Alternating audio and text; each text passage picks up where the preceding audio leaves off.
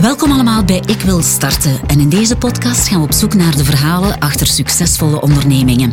Mijn naam is Kader Gurbus en onze gast vandaag is Dominique Bastaan. Dag Dominique. Dag Kader. Spreek ik het goed uit, Dominique Bastaan? Ja, ja, klopt. Helemaal juist. Zeg, jij bent de eigenaar, mag ik dat zo zeggen, van Rain Pharma. Ja, dat klopt. En is dat een bedrijf dat je zelf hebt ontwikkeld of overgenomen hebt van iemand? Of ben je daar zelf mee gestart? Zelf gestart, elf jaar geleden denk ik. Uh, allee, denk ik, nee, het, ik ben er zeker van. ja, elf jaar geleden uh, gestart met, met ja, twee, twee producten waren dat, ja. En hoe, hoe begin je daaraan? Wat denk je, is dat iets wat je daarvan gestudeerd had? Zeg je ineens, ja, vandaag begin ik met Rain Pharma. Waar is dat eigenlijk uitgekomen? Nee, ik, ik ben socioloog van opleiding. Dus uh, mijn idee, of hoe ik mijn toekomst altijd heb gezien, was eerder, ik denk iets rond de mensenrechten, onderwijs.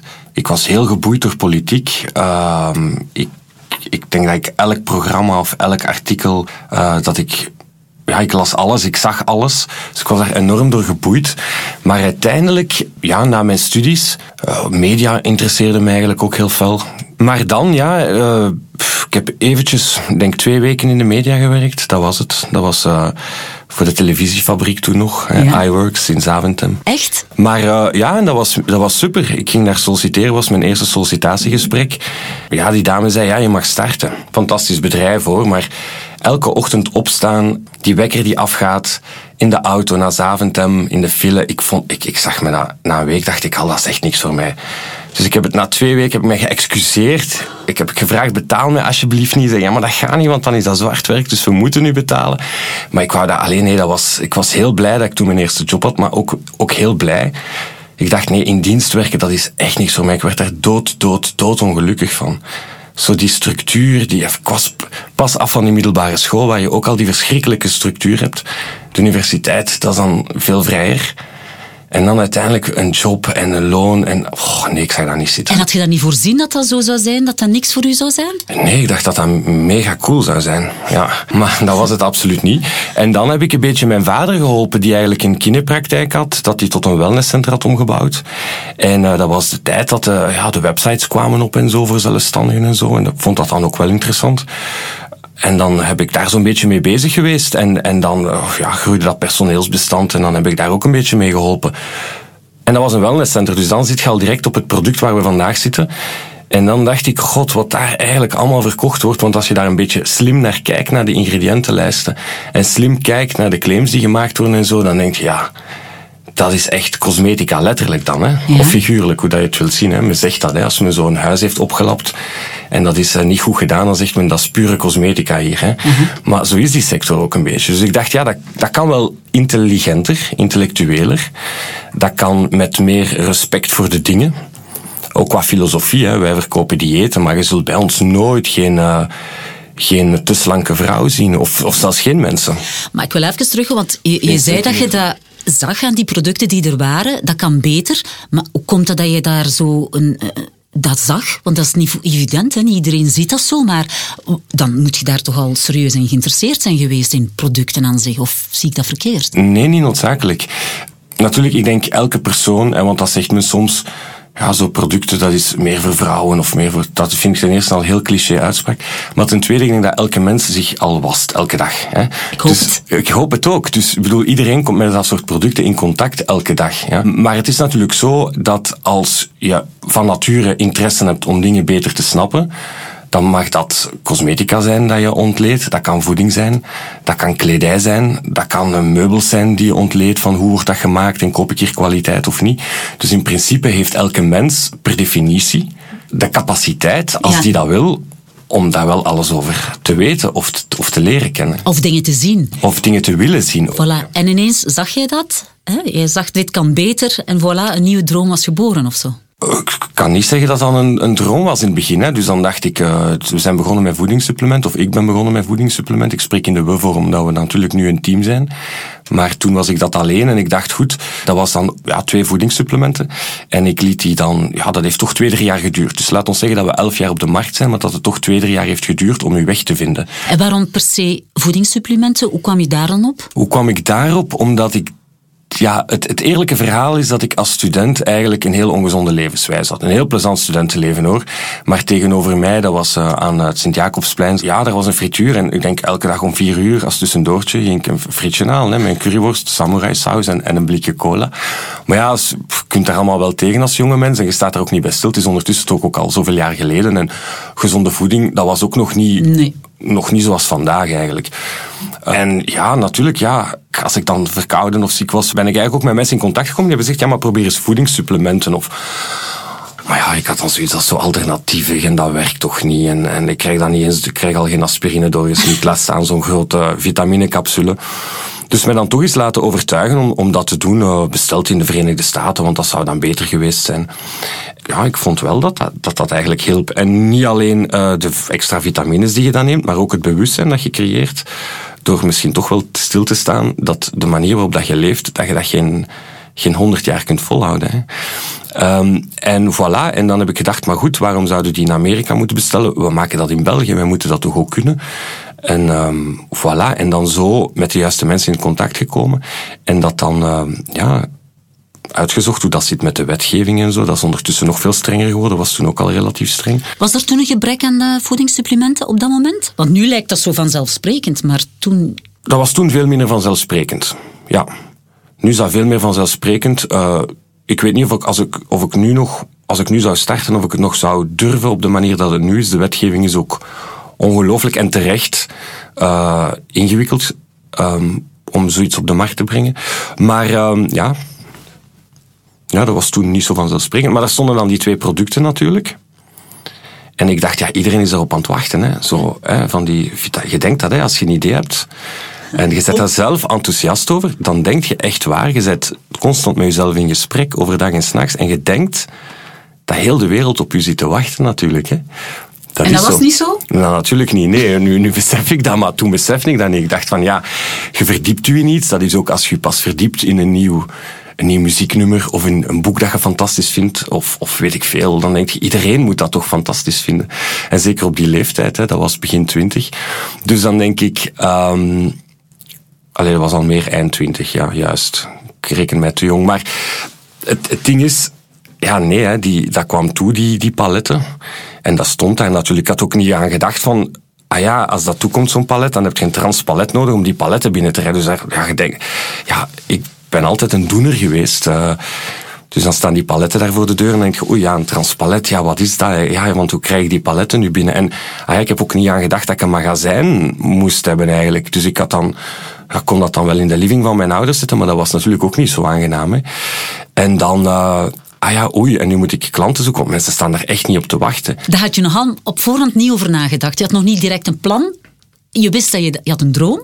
Je hebt die voedingssupplementen gemaakt, maar dan wist je eigenlijk nog niet perfect wat je, wat je zou doen. Maar nee, echt totaal niet een businessplan. Ik heb altijd gezegd, dat is uh, zeven in pakjes. Wat is dat nu, een businessplan? Dat is een soort waarzeggerijdocument of zo. Ondertussen ben ik daar allemaal iets... Uh, ondertussen is, de, is, is het bedrijf heel sterk groeiend momenteel. Maar dat betekent ook dat je dat allemaal zelf gefinancierd hebt op dat moment. Je hebt geen partners gevonden of je ouders of weet ik. Dat was een risico dat jij toen nam. Dat was een risico, dat waren alle spaarcentjes samen. Hè. Maar ik dacht, als je een goed product maakt... Dan gaat het vanzelf. Ja, vanzelf. Ja, misschien had ik het wel iets makkelijker ingeschat dan het was. Gelukkig ook, want anders durf je niet springen. het omgekeerde van wat ik gedaan heb, is u constant zorgen maken op voorhand. Maar ik denk ook dat dat geen cadeau is. Hè.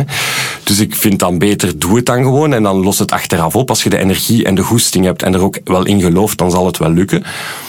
Uh, maar goed, dan heb ik mijn eerste klanten gevonden. En uh, ja, ten eerste natuurlijk het, uh, het, dat mijn vader dan eigenlijk, ondertussen is dat niet meer van hem, maar dat was al een klant natuurlijk. Hè. Dus in, in die zin kan je zeggen dat er al een zekere zekerheid was. En zo ben ik dan op zoek gegaan naar, naar andere klanten.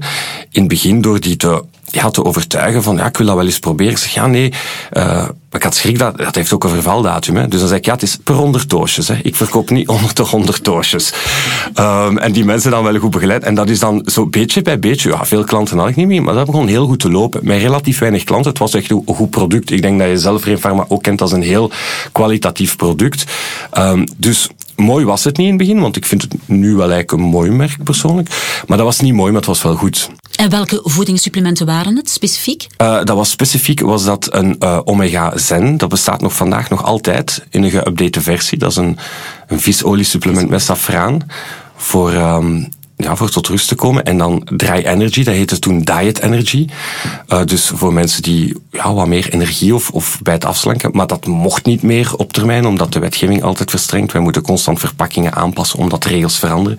Dus vandaag heet dat Dry Energy. energy. Zeg, je, je, je, werkte een periode ook bij je vader. Als je dat idee aan hem voorstelde, stond hij daar meteen achter of dacht hij, oh nee, wat gaat hij nu terug beginnen? Nee, want ik denk dat, dat het feit dat ik geen schrik heb om te doen en als je iets echt met passie doet, dan komt het altijd wel goed. Ik denk dat ik dat nooit anders, dat ik dat thuis ook altijd heb gezien. Um, ik kom uit een familie van zelfstandigen en niet de, niet de, niet de corporate zelfstandigen. Dus niet degene met businessplannen en de echte ondernemers. Zo de, buikgevoelondernemers. Ja, buikgevoelondernemers, ja. En dat ben ik zelf ook 100%. Nu laat ik me natuurlijk wel omringen door mensen die iets meer corporate zijn of mij toch een beetje in die richting willen willen brengen. En dat is, dat is natuurlijk wel een slim idee. Ja. Mocht jij nu vandaag de dag jonge mensen horen die net zoals jij in het leven staan, of zo pakweg 10 jaar, 15 jaar geleden, zou je dan zeggen, ja, doen, go for it, of zijn de tijden veranderd? Ik zou nog altijd zeggen, doen, go for it. Maar natuurlijk, het probleem is, ik ben bereid om elke tegenslag met, met compleet positivisme tegemoet te gaan. Dus vanaf het moment dat je beseft dat je iemand zijt die heel rap verschiet en dan angstig wordt bijvoorbeeld, dan moet je dat misschien niet doen. Maar ik denk altijd, het komt altijd wel weer goed. En ik zal dus nooit dag en nacht... Um, ik heb tot mijn dertigste op, op, op kot geleefd. Hè. En ik heb mijn eerste auto gekocht drie jaar geleden, omdat elke eurocent, elke wou ik in dat bedrijf stoppen. Dus ik, je moet ook bereid zijn om voor uitgesteld plezier te gaan natuurlijk.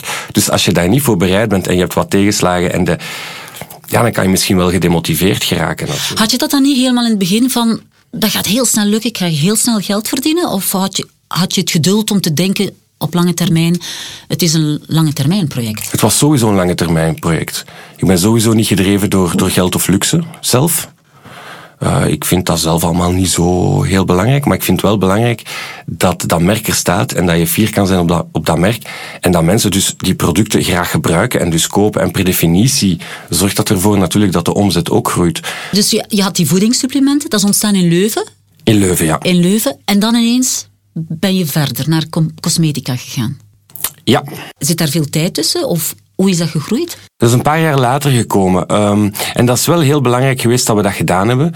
Ik vond het een logische stap ten eerste omdat uiteindelijk de voedingssupplementen zoals we die brengen, of de dieetproducten zoals we die brengen, is echt gebracht vanuit uh, mensen veranderen, gezonder laten leven.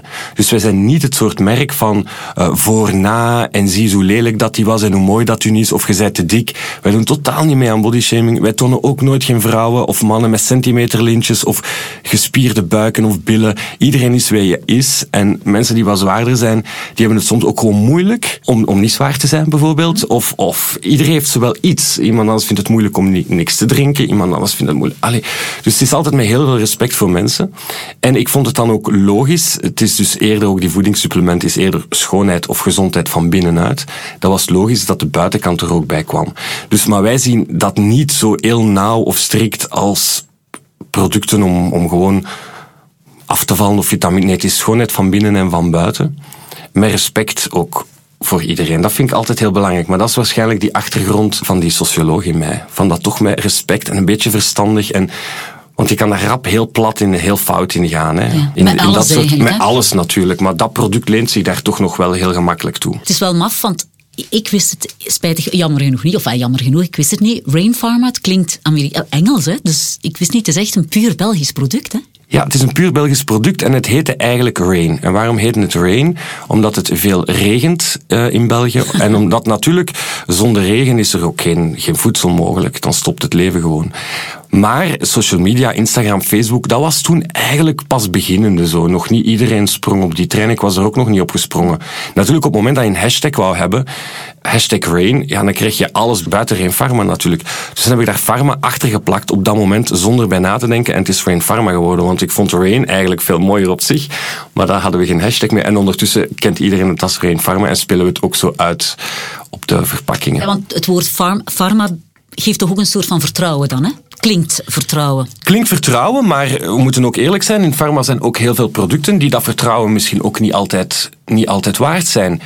Um, is ook vaak omzetgedreven. Is, maar het, het, leuke is wel, en zo vergelijk het graag ook als je naar onze flessen kijkt, het doet me dan meer denken bijvoorbeeld aan die kruidenapotheken van vroeger zo, met die houten interieurs en zo. En dat is dan eerder, ik hoop dat het dan eerder die sfeer oproept dan de moderne pharma bijvoorbeeld. Ja. Zeg je, je haalt ook producten of onderdeel of, eh, of uh, ja, bestanddeel uit het buitenland? Uiteraard. Ik las iets over broccoli. Ja. Vertel. Ja, ja, ja inderdaad. Want uh, inderdaad, we zijn een Belgisch product. Niet alleen omdat wij in België met onze hoofdzetel zitten, maar ook omdat onze producties in België gebeuren.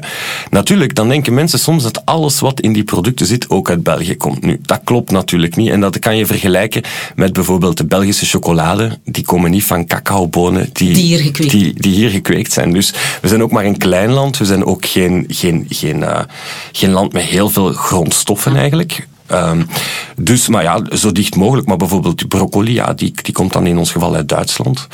Um, ruikt niet lekker. Het ruikt echt niet lekker. Dus, uh, alleen, mij stoort het niet, maar het ruikt niet lekker. En het is eigenlijk wel gek dat een product... We hebben heel veel producten die wel lekker ruiken natuurlijk. Maar het is een van onze top, top, top verkoopproducten. Dat is een broccoliolie. Uh, wordt ook heel veel gebruikt bij babytjes of, of mensen met, met eczeemplekjes en zo. En dan is het wel heel leuk om te zien dat een product dat echt niet lekker ruikt... toch een commercieel succes kan zijn. En dat wil zeggen dat het echt dan wel gaat om de kwaliteit en het resultaat. En niet heel grappig om dat in deze context te zeggen, maar niet om de cosmetica. Ja. ja. Dat is wel fijn om te horen.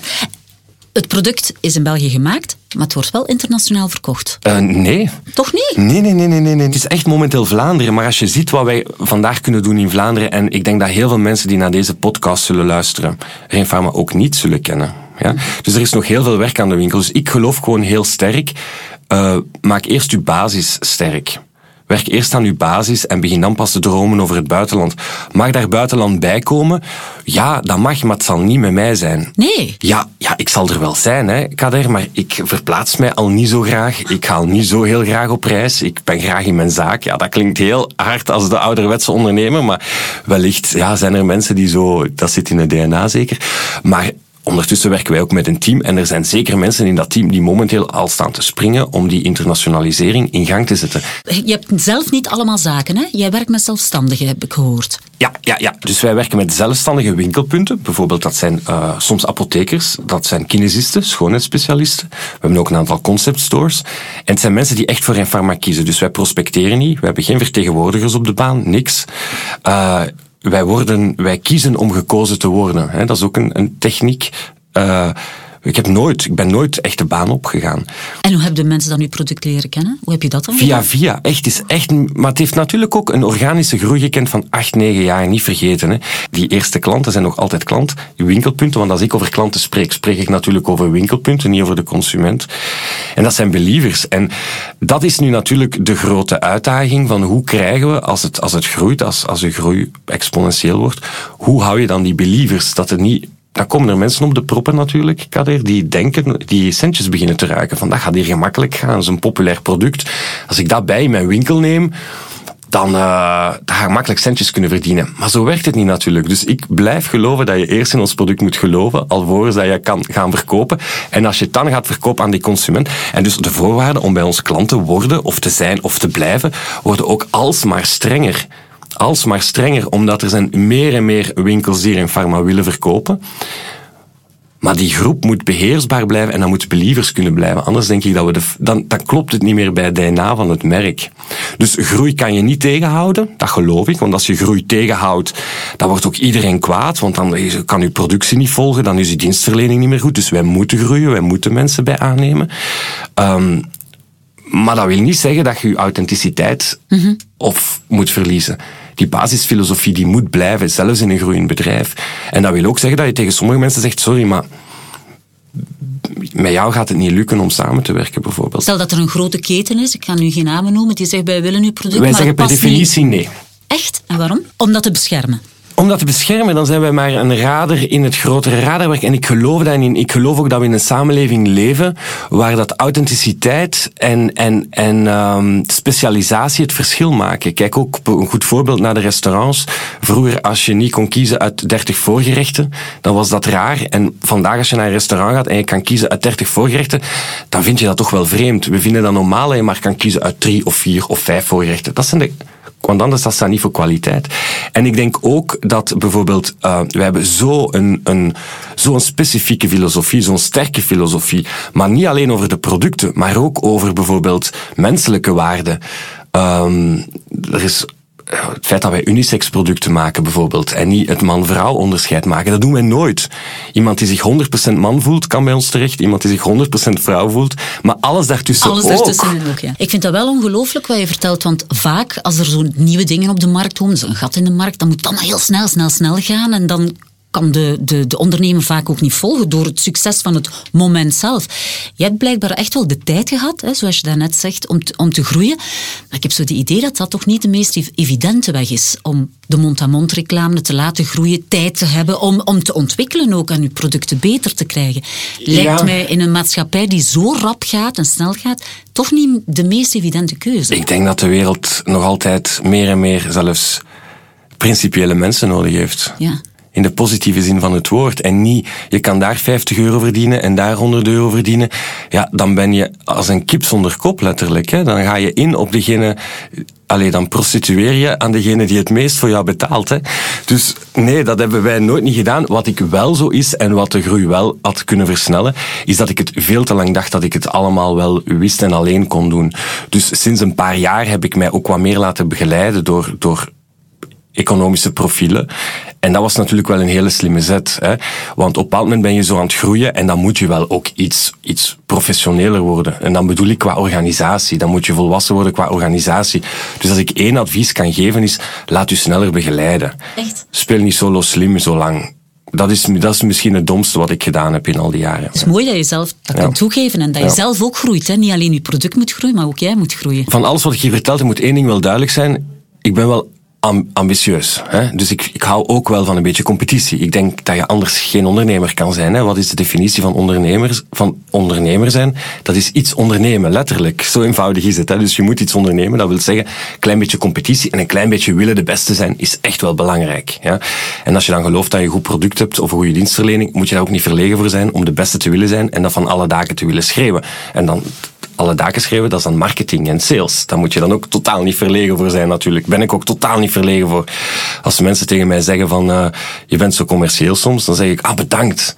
Bedankt dat je dat zegt, want dat wil zeggen, commercieel wil zeggen klantgericht zijn. Dat wil zeggen dat je voor je product en je merk gaat. En uiteindelijk ook voor de mensen die met u werken. Uh, dus dan zeg ik bedankt. Dat vind ik echt een, een groot compliment.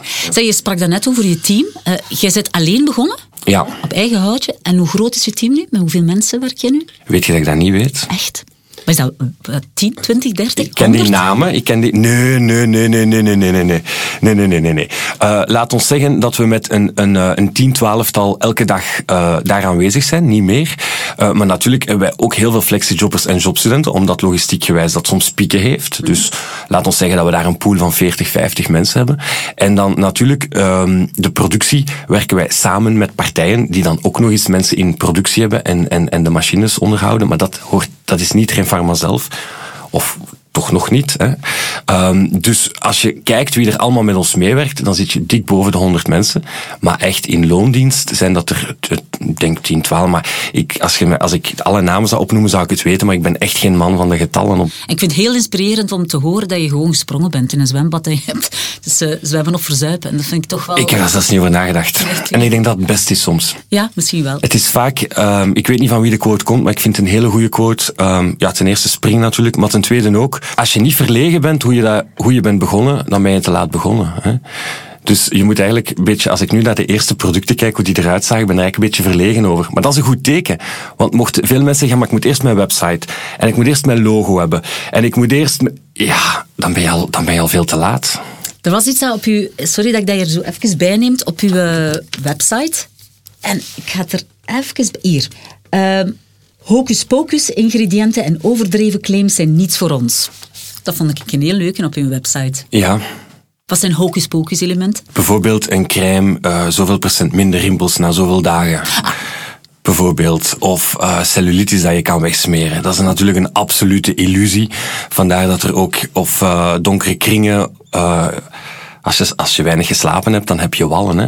Lijkt me echt niet evident in deze tijden, want je ziet het ook op Instagram en van alles, alle mogelijke wonderproducten. En we weten dat het niet, niet marcheert en toch blijven de mensen dat kopen. Lijkt me niet gemakkelijk om met uw instelling en uw producten daar tegenin te gaan. Nee, dat is... En dan tegelijkertijd ook weer zeer goed dat jullie er ja, zijn. Dus wij hebben tijd nodig bij de consument, maar één keer dat je het doorheeft en dat je het ziet, gaat hij ook nooit meer terug.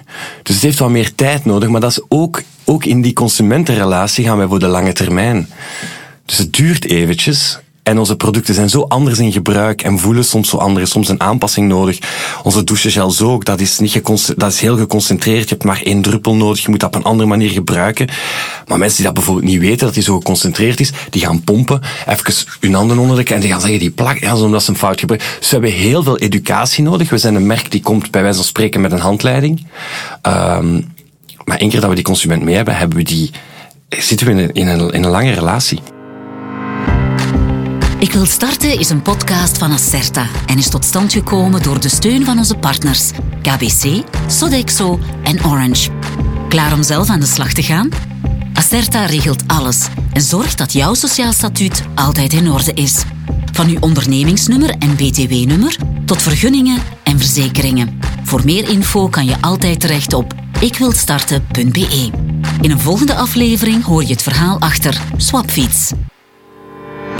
De swapfietsterrein gaat heel hard en, uh, en, en er is heel veel uh, om te ontdekken en heel veel om te beleven. Dus ik, uh, ik wil daar zeker nog heel lang deel van uitmaken. Ik denk dat de, de groei die we nu meemaken is, is ja, net zoals de jaren voordien, maar die is heel sterk en, en, en dat is redelijk uniek. En ik ben heel blij om daar aan boord te zitten.